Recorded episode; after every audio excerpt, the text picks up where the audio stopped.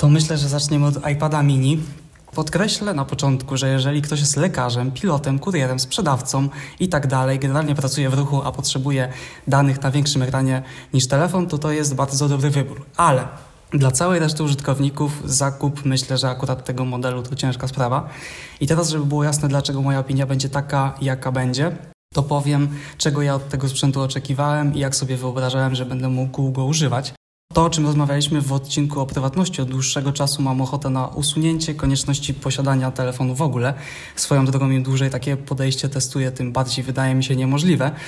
Y, ale Apple Watcha mam z LTE, komputer jest do pracy, więc potrzebne mi było coś maksymalnie przenośnego, ale jednocześnie bardzo użytecznego, kiedy już tego używam, a kiedy nie muszę, to najlepiej, żeby tego w ogóle nie było albo było gdzieś w torbie i nie muszę po to sięgać, Ciekawe. a nie w kieszeni konkretnie, bo też sam ten telefon za bardzo mnie tak jakby zaprasza, żebym go używał, kiedy nie potrzebuję.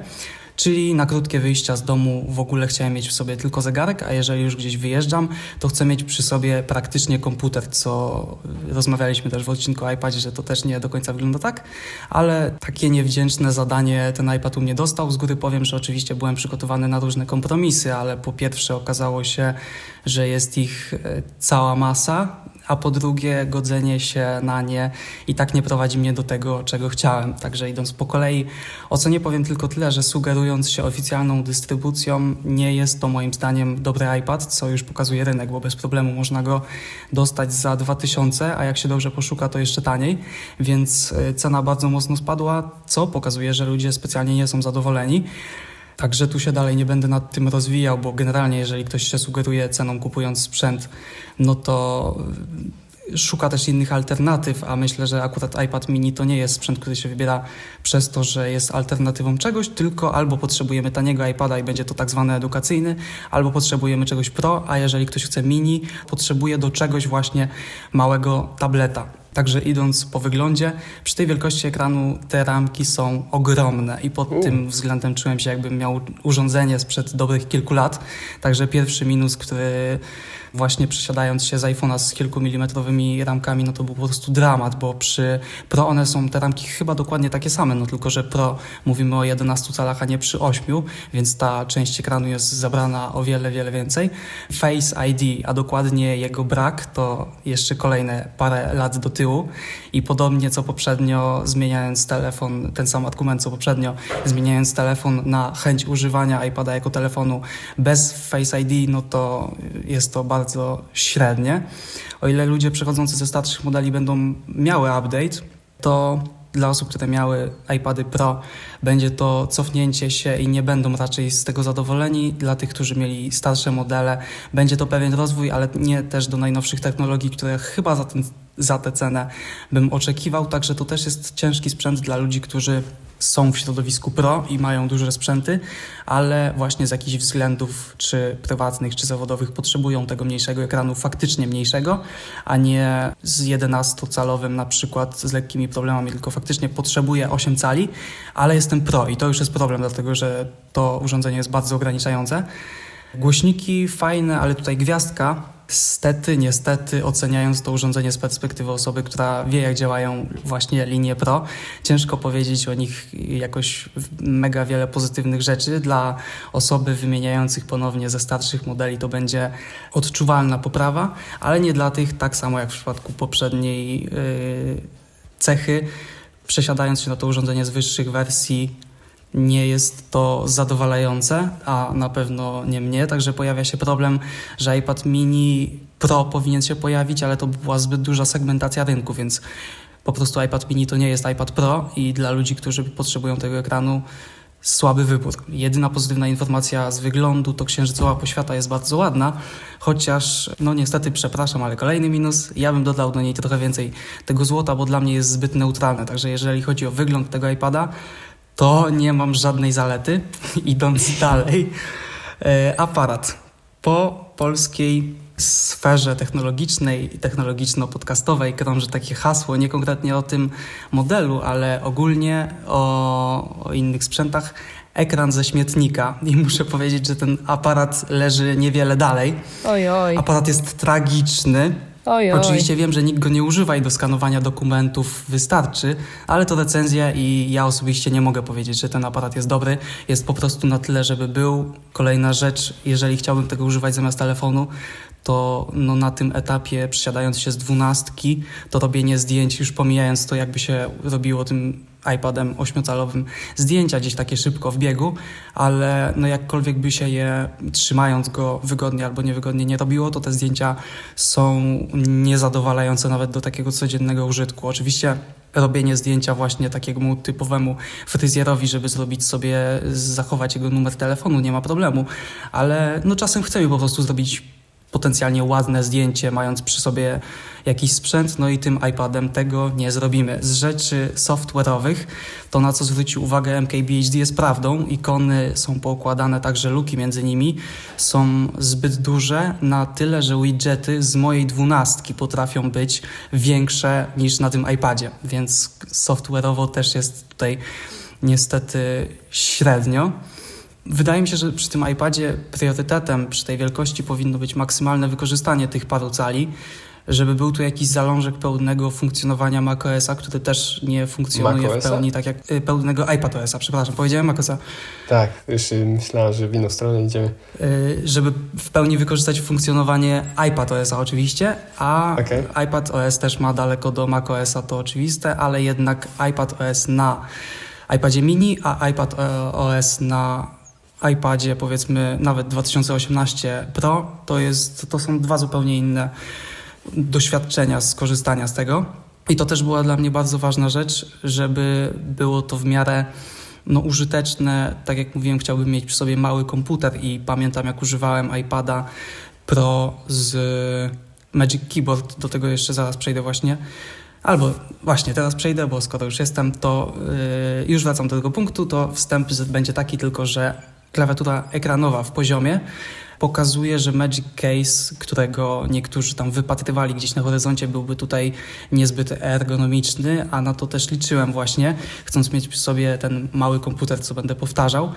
Jak miałem właśnie tego iPada Pro z Magic Keyboard, to już nie jestem w stanie używać iPada bez kursora i klawiatury, bo faktycznie ona sprawiała, że całość jest kilka kroków nad konceptem tabletu, chociaż oczywiście całą masę kroków od konceptu laptopa w tył, ale nie chciałem tego wykorzystywać do montażu wideo czy czegoś takiego, tylko do po prostu bardzo sprawnego przeglądania Safari i dla mnie przeglądanie Safari na iPadzie z Magic Keyboard jest szybsze niż na telefonie, czyli jednak te y, ob- obsługiwanie kursorem jest lepsze niż dotykiem i jednak iPad dla mnie bez klawiatury to też nie byłby, to też nie byłoby dla mnie po prostu fajne urządzenie.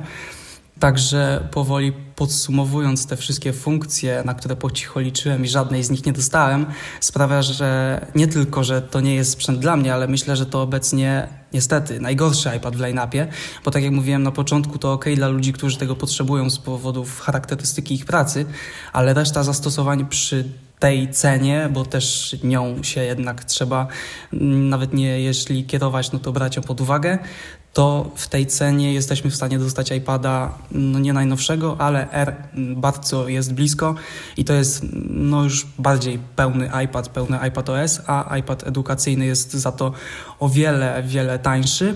Chociaż właśnie nie przy tych cenach, no ale mówimy o tym, że kupujemy nowego z oficjalnej dystrybucji, to iPad edukacyjny będzie po prostu też lepszym wyborem, jeżeli ktoś nie potrzebuje najnowszych technologii, których właśnie w iPadzie mini nie dostanie. Także no ja niestety nie jestem tego iPada w stanie polecić w zasadzie nikomu. Wow, no nie spodziewałam się szczerze Strasznie mówiąc. negatywna recenzja. To jest pierwsze urządzenie Apple'a, którego używałem sobie przez dwa tygodnie i po pierwszym tygodniu, jak już wiedziałem, że i tak kliknę oddanie, ale jeszcze miałem chwilę, jakbym chciał się zastanowić, przemyśleć, to po pierwszym tygodniu spakowałem go do pudełka i nawet go nie ruszałem, bo w zasadzie telefon bardziej mi się przydawał albo laptop. No po prostu ja nie widzę kompletnie zastosowania. Każdy oczywiście ma jakieś inne spostrzeżenia, ale z mojej recenzji niestety, albo stety właśnie, no nie wszystkie są pozytywne dla Apple'a, co mi też uświadomiło właśnie, że jednak wszystko ze mną ok. Nie jestem aż tak zapatrzony w tę firmę No właśnie. bo nie miałem żadnych problemów i byłem wręcz zadowolony, że funkcja oddania jest i moje pieniądze wróciły na konto, bo nie były to dobrze wydane po prostu pieniądze. To miła nowość na naszym podcaście, ta- taka negatywna recenzja. W końcu coś. W końcu. Jest sm- smutno tego. Myślałem, że to jest trochę lepsza maszyna, bo pamiętam, że jak ogląda- oglądałem konferencję, to się wydawało, ej, fajnie, że zrobili takiego nowego miniaka. Tak, to się wydawało najciekawszym urządzeniem na tej konferencji, no, ale, naprawdę. no, ale niestety ja się zawiodłem. Dobra, ja was niestety e, w, klimacie e, z- zawodów muszę opuścić w tym momencie. Tego, co będzie w dalszej części tego podcastu, dowiem się tak samo jak e, słuchacze, tylko odrobinkę wcześniej. Będzie to dla mnie też niespodzianka, jaką anegdotkę e, dla nas mia, miał przygotowaną Piotrek. E, ja trochę już wiem, niestety, niestety, stety, ale no jestem, jestem bardzo ciekawa, ale niestety obowiązki mnie wzywają. Do usłyszenia w następnym odcinku w takim razie za nią. To ruszajmy. Dobrze. Ode mnie temat mikrofonów i miał być temat mikrofonów i będzie, ale jeszcze dzisiaj rano zakładałem, że zrobię tę recenzję mówiąc do jednego z nich, No właśnie, ale ale odebrałem rano nim. paczkę z modelem, który y, już miałem kiedyś, czyli Shure MV7.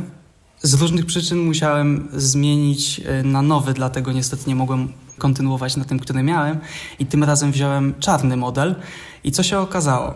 Ten sam model tego samego mikrofonu z tej samej firmy w zależności od koloru różni się wejściem.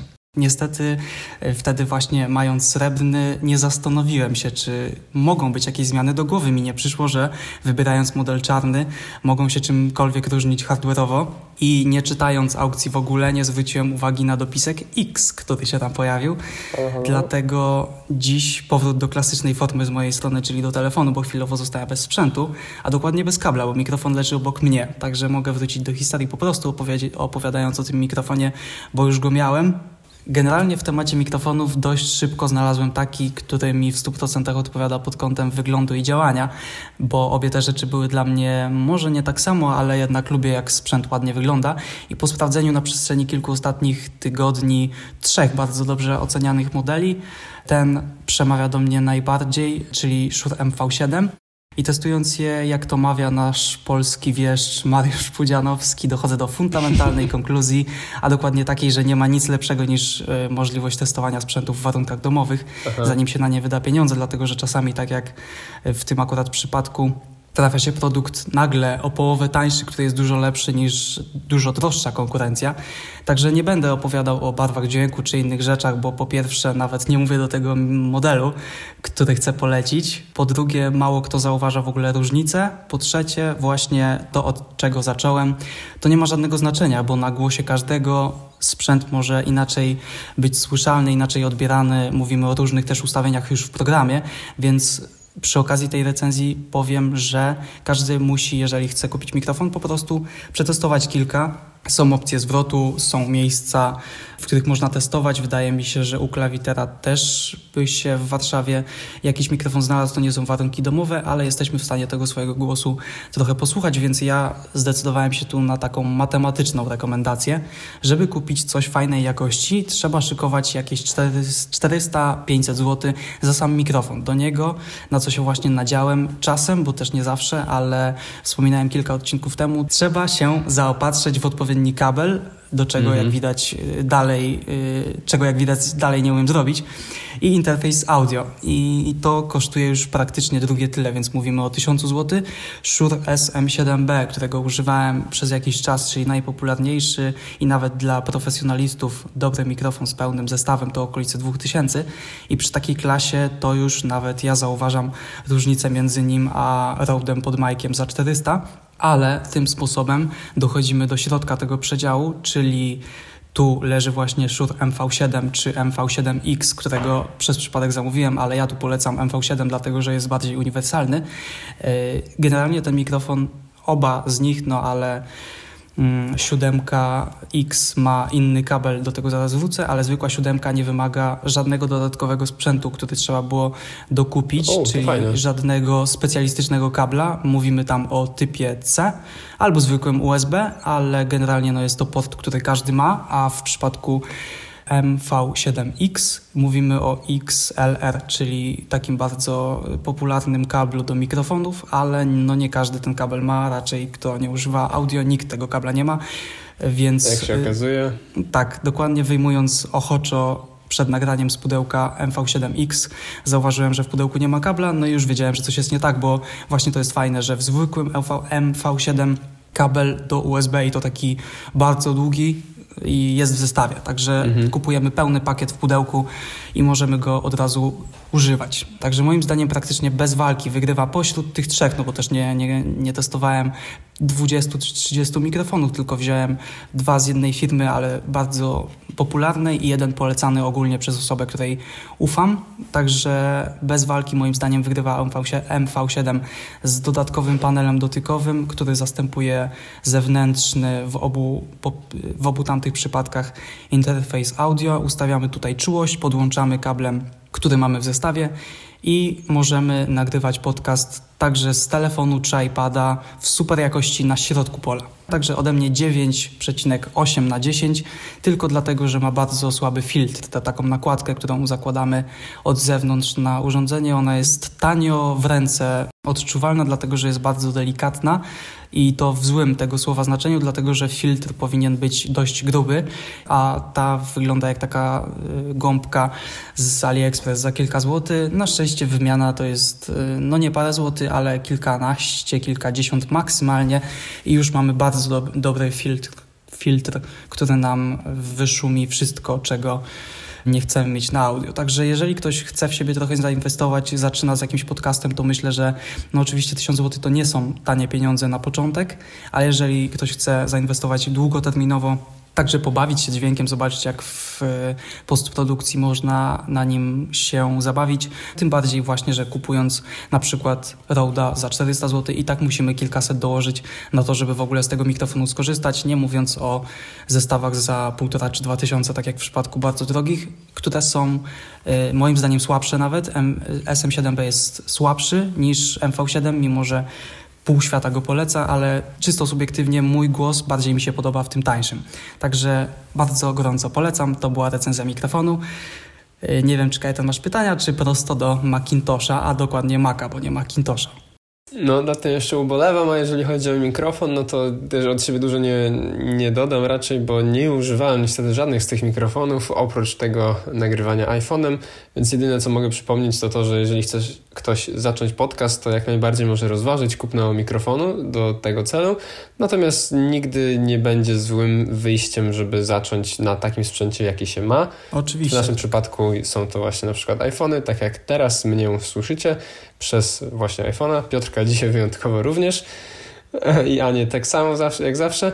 E, natomiast zdecydowanie na pewno lepsza jakość jest, a w przypadku dedykowanych mikrofonów i wtedy można też w tym polu nagrywać, o którym mówiłeś, a nie siedząc pod kołdrą na strychu. Tak, dzisiaj wróciłem do survivalu, bo siedzę pod kocem, ręcznikiem opartym o dwa krzesła w rogu kanapy, także staram się, żeby to brzmiało w miarę dobrze. Nie wiem jeszcze, jaki będzie efekt, ale chciałem powiedzieć tylko, że to jest dokładnie tak samo jak z fotografią. Nie musimy kupować od razu lustrzanki, bo telefony mamy bardzo dobre, więc pierwsze kilka odcinków polecamy po prostu użyć, tak jak wszyscy na YouTubie, którzy nagrywają jakieś testy, od czego zacząć. Zawsze warto zacząć od tego, co się ma i po prostu tak zobaczyć, jest. nie czy to jest dobra jakość, czy nie, tylko dużo ważniejsza rzecz, czyli czy po prostu chcemy to robić i dalej się w tym rozwijać. Tak, i czy podobał nam się cały proces wokół tego, efekty i, i właśnie, czy chcemy w to iść po prostu. To jest to, co, od czego zacząć trzeba. No to do Dawaj, ostatniej części tego no. odcinka no. zmierzamy. W tym miejscu miała być recenzja Macintosha, ale Ania, i to zrzucam na nią, ona tego posłucha e, na nią. Ostatnio zauważyłem, że mówię na nią i nie podobało mi się to na nią. Zrzucam, dlatego że zchallenge'owała mnie przed tym odcinkiem, jak powiedziałem, że mam tam kilka rzeczy do powiedzenia. Ona powiedziała, że chętnie by posłuchała o tym komputerze i postaram się po prostu przygotować trochę więcej informacji, jakiś fajny kontekst do tego dodać, także recenzja Macintosha sprzed sprzed 30 lat jeszcze się na tym podcaście pojawi.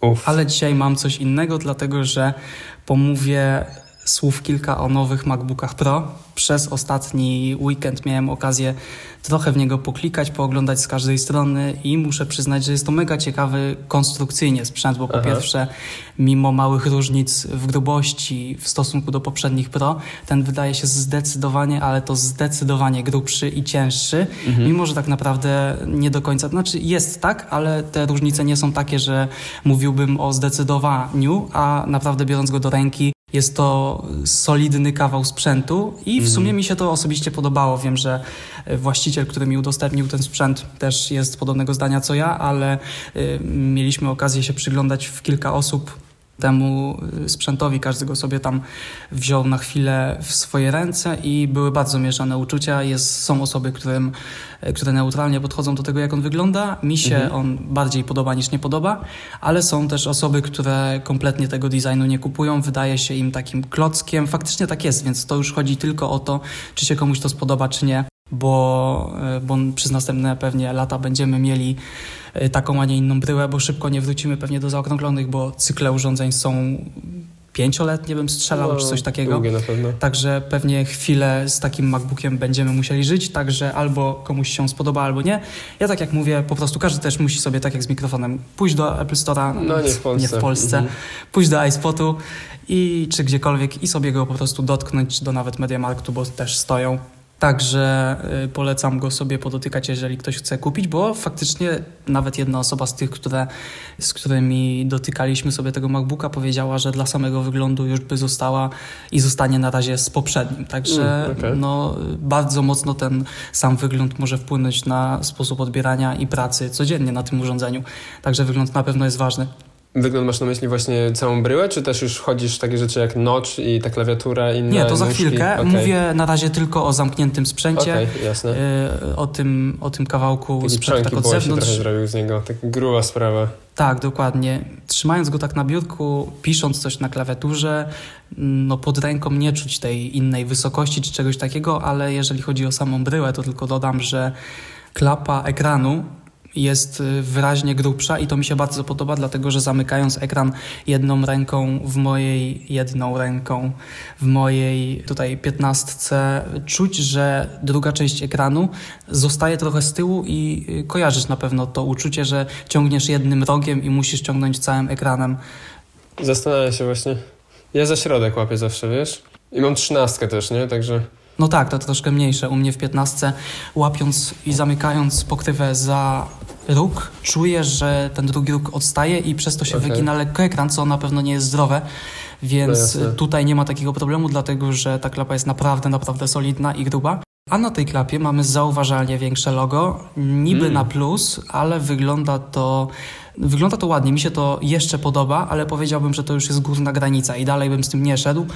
Dlatego, że jeżeli by było jeszcze większe, to wydawało mi się to trochę, wydawałoby mi się to trochę zbyt ostentacyjne i chyba też po prostu designersko nieładnie, bo jak coś jest za duże, to nawet jak jest ładne, nie jest ładne. I w przypadku tego loga ono jest na takiej na styku tego, żeby nie było, żeby nikt nie powiedział, że jest za duże. Nie zdarzyło mi się, a testowaliśmy ten komputer, obserwowaliśmy go w 8 chyba osób, więc jest to taka mała, reprezentatywna grupa. Nikt nie powiedział, że to logo jest za grube, za, za duże, ale to już jest y, szczyt tego, co powinni robić, żeby to też nie było jak chyba z logiem Polo w ostatnich latach. Kojarzysz, że na koszulkach są coraz większe A to nie wiem. loga na piersi. Nie wiem akurat. Było coś takiego, że najpierw było tam centymetr dwa, później pięć, a później masz na całej części klatki piersiowej Okej. te, to logo Polo. Także no nie idźmy w tę stronę, jest ładnie, ale jedyne czego mi brakuje i co możemy zmienić przy logu, no to powrót do podświetlenia i byłoby super, ale Mm, chyba na razie musimy na to poczekać. to już są marzenia chyba. No, na MagSafe'a się właśnie doczekaliśmy, także zaraz do tego przejdę i mam nadzieję, że po prostu tego też się doczekamy. A powiedz, wyście czternastkę czy szesnastkę testowali? Oba. Bo tam... Miałem, A, oba, okej, miałem w, okej. w rękach oba, także... Fajnie, fajnie.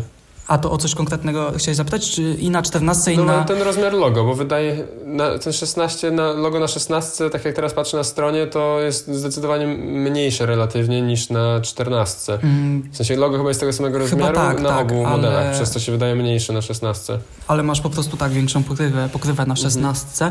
Na 14 mówię, że to było tak na styk, na 16 okej. raczej też bym nie przesadzał, bo no faktycznie mając ten komputer w ręce czuć, że to logo jest naprawdę, naprawdę duże i czy to 16 czy 14 to już bym go nie powiększał. Także wracając do budowy, to te niezaokrąglone brzegi przynajmniej mi nie robią żadnej różnicy.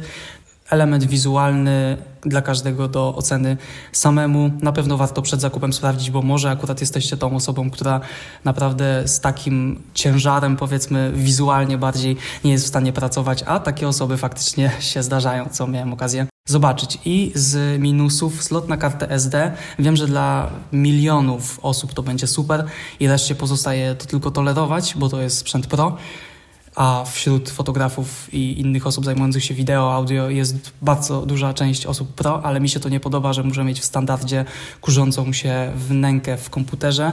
Wow. Czekam na, jakiś, na jakąś zaślepkę, która będzie idealnie wyrównywała to miejsce. Na razie widziałem Poważnie, tylko tak lekko wystające. No, bardzo nieładnie to wygląda. No ja używam tylko dysków, także no też jestem przyzwyczajony do adapterów wszelkiego rodzaju, co też nie wygląda no, no oczywiście no to, zbyt ładnie, okay, ale, ale ta dziura w, w, na brzegu, no mi osobiście się nie podoba i ta bryła, która mi się podoba, gruba, jest tutaj lekko oszpecona moim zdaniem, ale w pełni rozumiem, że tak jak mówię, bardzo, bardzo wiele osób będą chciały, żeby to wróciło i będą z tego codziennie korzystały, więc okej, okay, to jest dla nich część, mi się to nie podoba, po prostu takie mam wrażenie, że już się od tego odzwyczaiłem i mogłoby tego nie być. To jest niesamowite, bo mówimy tutaj o porcie SD, a kiedyś laptopy miały na CD płyty jeszcze wejścia. Tak, to tak. a MacBooki nie miały tych wejść wysuwanych, tylko takie dziury właśnie. Także to, przynajmniej niektóre, także to dopiero była dziura. No jest z innych wnęk, to mamy właśnie HDMI, które Szczerze mówiąc, ja bym go też jakoś mega nie potrzebował, tym bardziej o czym wspomnieliśmy wcześniej, że jest AirPlay i są adaptery, do których się już świat chyba przyzwyczaił i teraz odzwyczajanie ludzi od adapterów jest ok, no bo nie musimy ich zabierać, trzymać, kupować dodatkowych do komputera i patrzeć na to, czy się psują, bo też takie przypadki dość często, przynajmniej mi się zdarzały, ja używałem trzech adapterów, bo wszystkie mi padały. Tak, nie używałem oryginalnych i Belkina za 300 zł, ale no są z tym problemy. Y, ja szczerze mówiąc jakimś wielkim fanem HDMI nie jestem, bo to jest też dość duży port, a jednak ta bryła stara, ta do której, stara, teraz stara, ta do której dążyli od wielu lat, czyli do maksymalnie małej ilości portów. Mm -hmm. Mi się to podoba, nawet słuchawki bym sobie już podziękował za, te, y, za Jacka, ale tak jak mówię, rozumiem wszystko i wszystkich, którzy tego chcą i używają, ok ale tak, ja bym tylko zostawił typ C i właśnie coś... Zrobił z 8 takich typów C i wtedy już nie ma problemu. Tak, 8 typów C i MagSafe. I tutaj mamy tak? coś, co o, każdy okay. mój ból... Mm, do innych portów łagodzi. Nie ma tutaj dwóch zdań, bo to nigdy nie powinno odejść, ale jeżeli już sprzedajemy jakąś technologię dwa razy jako nową, no to zostaje się tylko cieszyć, że to już wróciło, wyczekaliśmy i od teraz raczej zostanie, bo nie zabiorą drugi raz, żeby oddać trzeci raz, także wrócił MagSafe, mamy to i tak już miejmy nadzieję zostanie. Okej, okay. czyli MagSafe aż taki pozytywny port w Twoim przypadku, tak? MagSafe, MagSafe super, no nie ma nic lepszego. Okay. Nawet z obecnym tutaj typ C miałem kilka y, prawie okoliczności, w których muszę iść z tym laptopem i zrobić z nim cokolwiek w, w przypadku utylizacji, bo naprawdę z wysokich wysokości, z wysokich wysokości, z wysokich miejsc, bo czasem pracuję na stojąco, ktoś kabel szarpnął, on się nie wysunął i naprawdę w locie łapałem tego laptopa okay. z dyskiem, także, także MagSafe zawsze super. No, także kolejna rzecz wizualna, która niby jest minusem, a niby nie, to jest notch mi w telefonie generalnie on nie przeszkadza, nawet się do niego przyzwyczaiłem, powiedziałbym, że jest to ok. I tutaj z noczem w laptopie jest o tyle ciężka sprawa do jednoznacznej oceny, że nawet mi się podoba. Faktycznie wygląda ten komputer tak fajnie nowocześnie, bo Apple nas przyzwyczaiło przez ostatnie kilka lat do nocza w swoich line-upach, line-upie jednym, ale nie podoba mi się to, że jest on o wiele grubszy niż sądziłem i nie wiem, nie oglądałem żadnego iFixit czy coś takiego, bo nie ma tam Face ID. E, nie wiem, czy kamera 1080 zajmuje aż tyle miejsca, ale wizualnie kiepsko to wygląda, dlatego że sam nocz jest duży, a to, co jest pod noczem, czyli pasek powiadomień, musi być y, troszkę, bo tam pod noczem jest taka kilkupikselowa część, żeby ten pasek nie wchodził i nie znikał na środku, tylko żeby była ciągłość tej dolnej krawędzi, to on się pod noczem kończy i przez to jest bardzo gruby. I ponieważ w górnym pasku, tak jak patrzę sobie na przykład teraz, no to mamy kilka pikseli, kilkanaście nad ikonką i pod, no a tam to mamy wyśrodkowane i napisy są mniej więcej chyba takiej samej wielkości, ale tego miejsca zostaje bardzo dużo, no i to jest niewykorzystane miejsce, co już nie wygląda tak fajnie, no bo mamy taki dość gruby kawałek y, paska, który no nie znika, no bo mamy cały, no chyba, że jesteśmy w trybie pełnoekranowym, ale generalnie ten pasek nie znika, możemy go wziąć na czarno i on się wtedy zlewa, ale dalej te, y, to miejsce jest dość duże, bo czcionka, wielkość napisów, to też pewnie zależy od tego, y, bo powinien każdy wiedzieć, że w macOSie można zmienić generalnie wielkość interfejsu i ja używam najmniejszego i przy tym na noczu, bo też osoba, której MacBooka oglądałem, też używa najmniejszego trybu i na, na pasku pod noczem te informacje, ikonki, napisy są małe i to wygląda, szczerze mówiąc, trochę słabo. Także ja bym tego nocza nie ukrywał pod czarnym tłem, ale ten pasek, wiem, że nie da się go zrobić mniejszego, bo to by nie miało sensu, jeżeli kończyłoby się w połowie grubości nocza, także no jest to po prostu nie do zmiany wizualnie, po prostu mówię, że to wygląda kiepsko, ale sam nocz y, w ekranie też, też bym się przyzwyczaił, wręcz wygląda to całkiem fajnie. Jeżeli chodzi o czarną przestrzeń pod klawiaturą, która się pojawiła, mhm. to właściciel MacBooka, którego używałem, powiedział, że miewa problemy z pisaniem, bo czarne o. klawisze wtapiają się w to tło. O ja na to bym nie zwrócił uwagi. przecież. Mm, tak, są poświetlane. To nie wystarcza.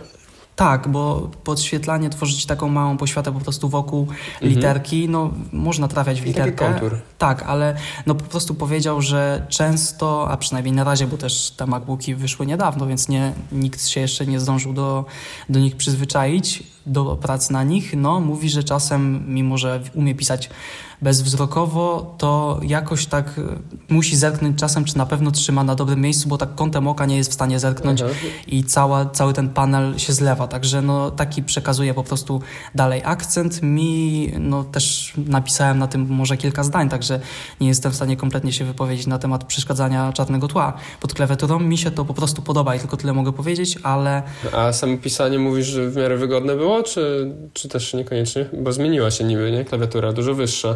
Klawiatura, to znaczy jeżeli chodzi o rozpoznawanie Wyższy klawiszy... powinny mieć teraz klawisze bodajże, tak? W, tym, w tej nowej klawiaturze? Y, są delikatnie, ale szczerze mówiąc ja nie odczuwam tego jakoś y, drastycznie, że okay. pewnie klikając jedną ręką w jedną klawiaturę, a drugą w drugą na pewno bym poznał, która jest która, ale przechodząc tak po prostu wyjmując torby i zaczynając pisać jakoś nie to, nie, nie zwróciłem na to uwagi, ale po prostu no przede wszystkim ja mam jeszcze tę złą klawiaturę tak zwaną, czyli się psuje. Mm, i po pierwsze przesiadając się ewentualnie na nowego MacBooka, do czego wrócę, to przesiadając się mm, na pewno będzie super to, że już nie będę się zastanawiał, czy za trzy miesiące mi nie pójdzie jakiś przycisk i trzeba będzie lecieć na wymianę modląc się, że będzie to darmowa wymiana, a nie dość droga, ale samo pisanie jest bardzo przyjemne, ten skok, jeżeli jest jakikolwiek odczuwalny, to moim zdaniem na plus, także klawiatura tutaj super. Tak samo jak głośniki, bo tak jak y, powtarzałem, nie miałem jakoś wiele, wiele styczności z tym komputerem, ale posłuchaliśmy sobie w, w miarę cichych warunkach jednej z piosenek z Apple Music w maksymalnej rozdzielczości. No i muszę przyznać, że tak o ile klawiatury różnicy przy, nie posiadając dwóch sprzętów przy sobie bym nie zauważył, albo bym zauważył, ale byłaby delikatna, no to głośniki czy w 14, czy w 16 to już w ogóle, ale są naprawdę rewelacyjne, bardzo mocne, takie wyraziste. One też mają special audio. Tego szczerze mówiąc nie pamiętam, czy włączaliśmy, czy nie, także nie wiem jeszcze, jak to w ogóle jest zbudowane, że głośniki po dwóch stronach są w stanie zbudować tę przestrzeń, ale po prostu puszczenie muzyki. Pamiętam, jak się przesiadłem na Pro 15 z 2016 z MacBooka 12, z MacBooka z 2012 roku Pro, także to był też duży przeskok i wtedy pamiętam, że głośniki to był, to był jakiś kosmos, przeskok. Tutaj może nie aż tak ogromny, ale wcześniej chodziło o to, że te głośniki po prostu były lepsze, a tutaj chodzi o to, że dają większą przestrzeń, więc to jest zupełnie inny typ słuchania tego urządzenia, dlatego to, co, to o czym mówiliśmy, żeby puszczać muzykę przez AirPlaya do komputera, to jeżeli ktoś nie ma HomePoda, a miałby ten komputer czy 14 czy 16, to puszczanie Spotify, Apple Music czy czegokolwiek na otwartym komputerze naprawdę by robiło dla mnie różnicę i byłoby warte po prostu trzymanie otworzonego komputera, żeby słuchać sobie z tych głośników, bo są naprawdę, naprawdę super. No, to właśnie na to dużo czasu też poświęcili w trakcie konferencji, że znowu poprawiono głośniki, a ja używam teraz MacBooka 8, z 18 roku i już ma 13-calowego i już ma spoko głośniki i one były poprawione w 19 roku, w 20 i teraz jeszcze bardziej, także wyobrażam sobie, że naprawdę muszą być mega potężne. Nie mogę się właśnie doczekać, aż sobie posłucham takiego pełnego special audio, czy to z e, Apple Music, czy z jakiegoś Apple TV, czy z czegokolwiek innego. Po prostu dla samego też faktu e, zobaczenia, jak jest ten dźwięk zbudowany tak dookoła, No, ale tutaj ciekaw. ciekawostka jeszcze nie z komputerów, ale z telefonu. Ostatnio włączyłem sobie special audio na Spotify'u i jakoś tak zawsze oczywiście pamiętałem i wiedziałem, że jest ta funkcja, ale ją trzeba dodatkowo w AirPodsach włączyć i jakoś nigdy odruchowo chyba miałem to włączone defaultowo i nie wiem, czy jak się to włączy, a potem się zam- zamknie AirPodsy, włączy z powrotem muzykę, to czy to dalej w defaultowo jest włączone, ale pamiętam jak ostatnio sobie coś tam mm, słuchałem i zobaczyłem, o faktycznie jest ta ikonka, no dobra, włączę. To, to robi większą różnicę niż myślałem. Naprawdę słuchanie Mhm. muzyki bez special audio, a z na AirPodsach Pro, nie mówiąc o Max, bo już ich niestety nie mam, też bym to chętnie sprawdził, ale tylko na AirPodsach Pro z wyciszeniem puścić muzykę jeden do jednego, przełączając sobie w trakcie Tak, z włączonym i bez, no to jest naprawdę bardzo, bardzo duża różnica. Chociaż na minus, jeżeli chodzi o podcasty. Podcasty brzmią jakoś tak mega nienaturalnie, nie wiesz, gdzie jest ten dźwięk, jakoś on się źle rozchodzi. No ale to taka ciekawostka, ostatnio zauważyłem, bo szczerze mówiąc nie korzystałem z tego nigdy, a teraz przy włączaniu sobie piosenki na pewno zawsze sprawdzam, czy mam to włączone, bo doznania są o wiele lepsze. Ja mogę tylko się podpisać pod tym, że właśnie jak włączałem Special Audio, to zastanawiałem się, czy, czy ja przed chwilą zdjąłem słuchawki i nagle słyszę, i ta muzyka gra wokół mnie, czy ci ludzie siedzący Mhm. wokół mnie, jak w samolocie na przykład to odpalałem, to jakby przez taki pierwszy odruch był spojrzeć na inne osoby, czy nagle na mnie zaczęli patrzeć, że puszczę muzykę na głos, bo tak to brzmiało, jakby to nie leciało mi Dokładnie, słuchawek dokładnie. wcale, tylko ta muzyka była wokół mnie. Naprawdę niesamowite wrażenie, właśnie też AirPodsy Pro. Chociaż raz na pięć razy, kiedy sprawdzam, czy na pewno leci ta muzyka przez słuchawki, czy nie, to raz na kilka razy niestety nie leci.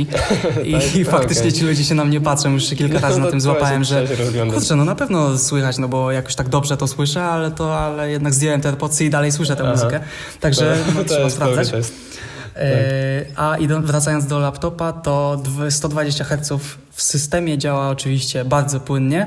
Mhm. To niestety większość stron na razie tego nie obsługuje, jeżeli chodzi o Safari. No tak. ale no i tak jak mówię, w systemie to działa oczywiście zauważalnie y, super, dlatego też jestem w stanie uwierzyć to, co mówiła Ania, że naprawdę ludzie się przesiadają na trzynastkę, żeby to mieć.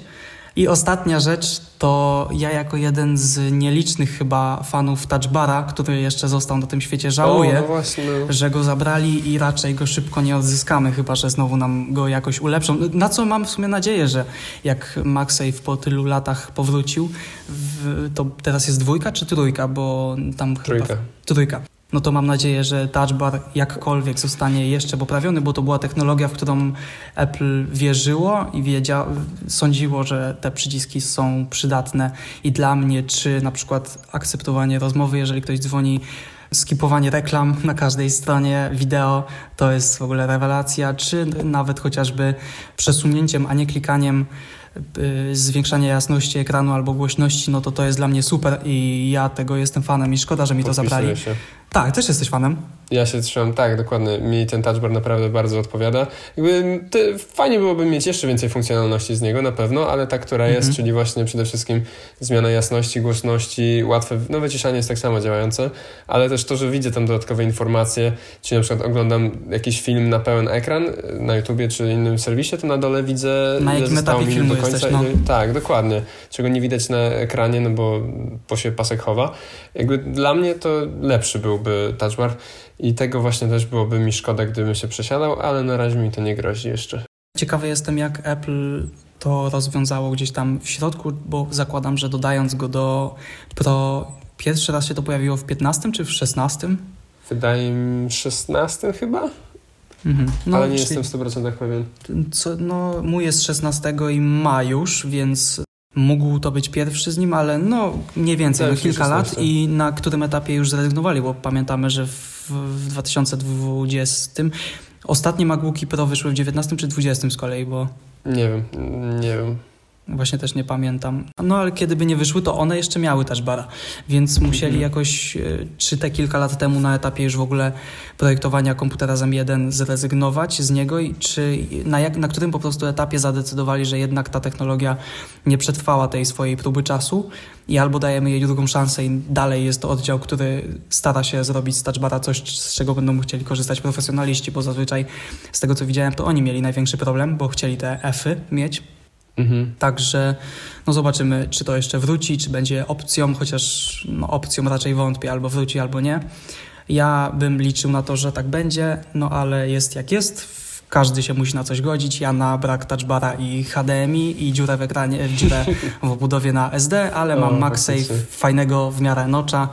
I M1 oczywiście, bo no, tutaj nie będę recenzował samej M1, bo po pierwsze to jest dość rozbudowany temat i nie mamy aż tyle czasu. Ja się też aż tak jeszcze nie zdoktoryzowałem z tego, ale no nie muszę po prostu chyba mówić, że szybkość tego komputera i cokolwiek on robi, czy to jest render 500 ścieżek w Logiku, czy przeglądanie Safari, to jest wszystko ultra płynne, więc to jest myślę oczywiste.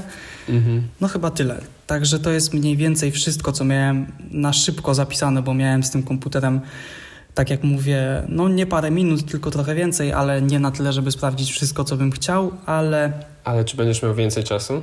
właśnie do tego bardzo powoli i dyskretnie przychodzę. Mhm. Myślę, że wcześniej czy później, a myślę, że wcześniej niż później będę miał okazję zrecenzować ten komputer w pełni, na dłużej przy moich wymaganiach, także polecamy śledzić i będzie też recenzja czegoś zupełnie przeciwnego, czyli Macintosha. Jak tylko przygotuję się na tyle, żeby Ania była zadowolona i usłyszała, usłyszała coś, czego jeszcze nie wie, znajdę jakieś fajne ciekawostki i zrobimy fajny odcinek. Ale z mojej strony na dzisiaj to wszystko. No proszę, to naprawdę żeśmy duży kawał technologii dzisiaj omówili. Z Apple właściwie tylko, ale i laptopa i wszystkie nowe produkty tak naprawdę omówiliśmy.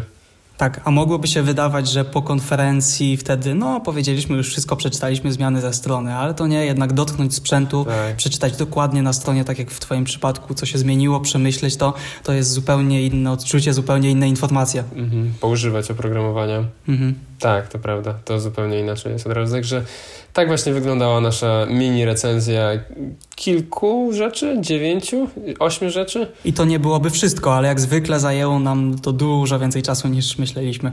Tak, także tym samym dziękujemy Wam serdecznie za bycie z nami przez ten podwójny odcinek, już kolejny w tym sezonie podwójny Powoli odcinek. standard. Powoli nowy standard naszego, właśnie naszego tutaj Lovecastu pod formą, czy jak to nazwać. A natomiast jeżeli nie wiecie jak nazwać, to ja to powtórzę. Love Form Podcast i pod takim tagiem możecie nas znaleźć na Twitterze. No i właśnie, my się już z Wami żegnamy. Z przeszłości się pożegna z Wami również Ania, Hej, hej. ale oprócz tego my, czyli Piotrek. Dziękujemy. Do usłyszenia następnym razem. Tak jest. I jak, to trzymajcie się, na razie.